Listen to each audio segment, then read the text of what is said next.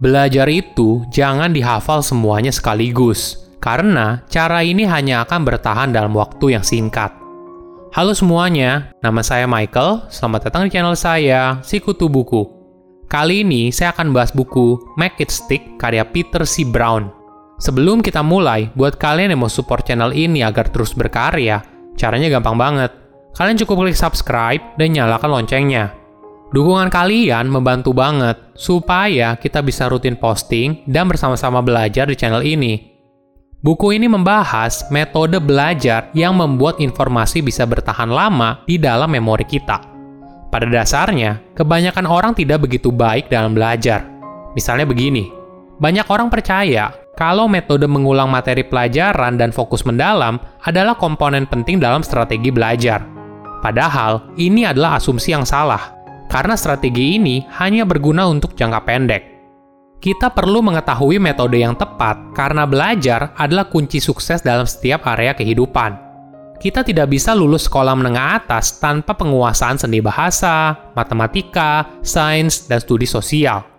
Berlanjut ketika masuk ke dunia kerja, kita membutuhkan keahlian untuk menguasai keterampilan kerja dan menghadapi kolega yang sulit. Saat pensiun, kamu mengisi waktu luang dengan menjalani minat baru, jika kamu tahu cara belajar yang tepat, maka kamu akan memiliki keuntungan dalam hidup. Saya merangkumnya menjadi tiga hal penting dari buku ini.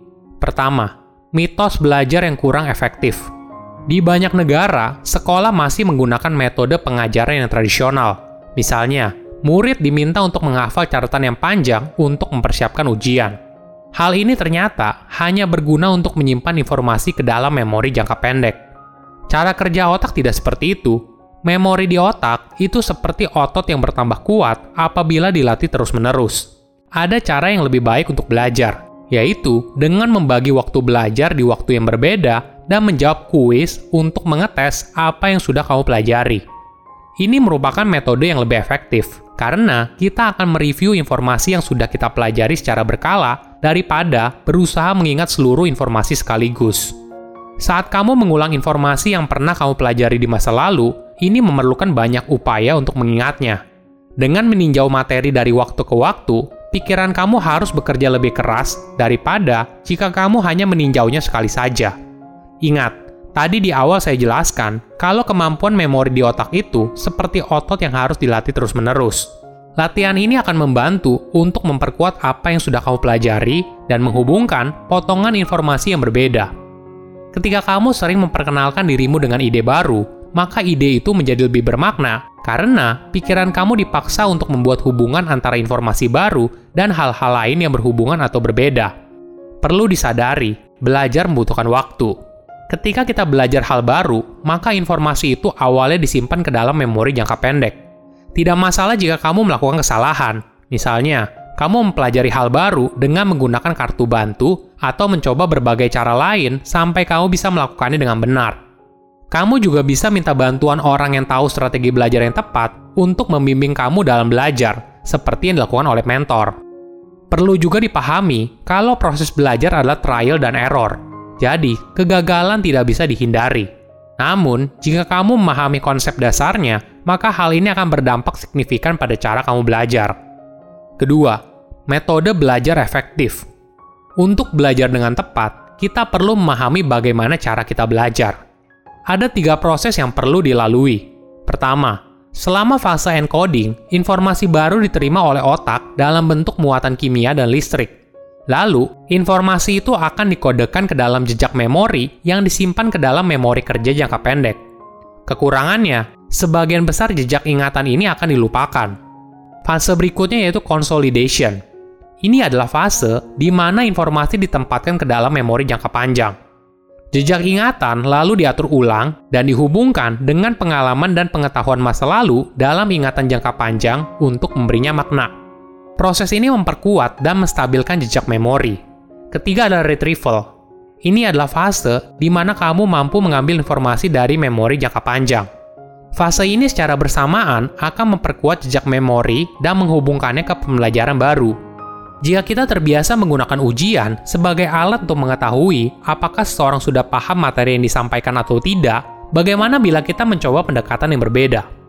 Riset menemukan kalau ada cara yang lebih efektif dalam belajar, yaitu dengan proses retrieval, di mana kita secara rutin melakukan tes untuk memperkuat memori. Kita bisa mulai dengan melakukan kuis sedari awal dan rutin. Ini adalah cara untuk membuat apa yang dipelajari menjadi terus diingat. Agar efektif, kuis harus diulangi berulang kali dan diberikan jarak selama periode waktu tertentu. Sebuah studi menunjukkan ketika siswa membaca satu bagian teks dan mengambil ujian yang bertanya apakah mereka mengingat apa yang mereka baca, mereka mampu mempertahankan 50% lebih banyak informasi seminggu kemudian daripada mereka yang membaca teks yang sama tetapi tidak dites. Kita juga bisa mempraktekkan ini dengan memberikan kuis kepada diri sendiri. Jadi, setiap kali kita belajar hal baru, coba kerjakan kuis untuk mengetes pemahaman kamu terhadap topik tertentu. Latihan ini akan membantu kamu dalam memahami di mana area kekuatan dan kelemahan kamu terhadap topik tertentu, sehingga bisa membantu proses kamu dalam belajar. Ketiga, menjadi pembelajar seumur hidup. Gen dan lingkungan sama-sama berperan dalam menentukan kecerdasan seseorang. Namun, otak tidak statis dan memiliki kapasitas untuk tumbuh dan berkembang dari waktu ke waktu. Kemampuan belajar dapat meningkat melalui kerja keras, yang kemudian meningkatkan produksi mielin, zat yang melapisi neuron. Begitu mielin meningkat melalui kerja keras, pengetahuan akan menjadi lebih otomatis.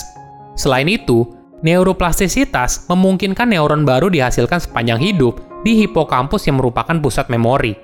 Hal ini menunjukkan bahwa orang dapat memaksimalkan potensi mereka dengan belajar bagaimana mengembangkan keterampilan mereka melalui latihan dan pengalaman. Penelitian menunjukkan bahwa cara terbaik untuk belajar adalah melalui trial dan error. Tentu saja hal ini kadang bertentangan dengan pengetahuan konvensional. Akibatnya, orang yang mencoba mempelajari hal baru sering kali menjadi frustasi. Namun penelitian membuktikan, metode ini mengarah pada pemahaman yang lebih dalam daripada menghafal atau belajar. Seorang pembelajar bisa menjadi ahli apabila dia mampu mengubah informasi yang dipelajari secara mendalam menjadi kebiasaan jika kamu bekerja keras dan percaya pada kapasitas diri kamu pribadi untuk tumbuh, maka kamu pada akhirnya akan mencapai titik di mana pengetahuan yang diperoleh bukan lagi sesuatu yang hanya diingat, tetapi merupakan bagian integral dari siapa diri kamu dan kebiasaan yang dikuasai. Tidak jarang juga kita lihat ada orang yang mampu memiliki keahlian yang luar biasa pada bidang tertentu, padahal mereka sudah berada pada usia lanjut. Hal ini bisa dilihat dari seorang musisi yang ahli, Walaupun usianya lanjut, tapi mereka masih mampu memainkan alat musik dengan sangat baik. Latihan panjang mereka telah mengubah pengetahuan itu menjadi kebiasaan, dan pada akhirnya dapat dengan mudah di-recall tanpa harus mengingat semuanya secara keseluruhan. Walaupun kita sudah mulai belajar sejak usia yang sangat muda, tapi tidak semua orang tahu strategi belajar yang tepat. Ini bukan tentang apa yang kamu ketahui, tetapi bagaimana kamu mempraktikkan apa yang kamu ketahui menentukan seberapa baik pembelajaran tersebut bermanfaat bagi kamu di masa depan. Silahkan komen di kolom komentar pelajaran apa yang kalian dapat ketika baca buku ini.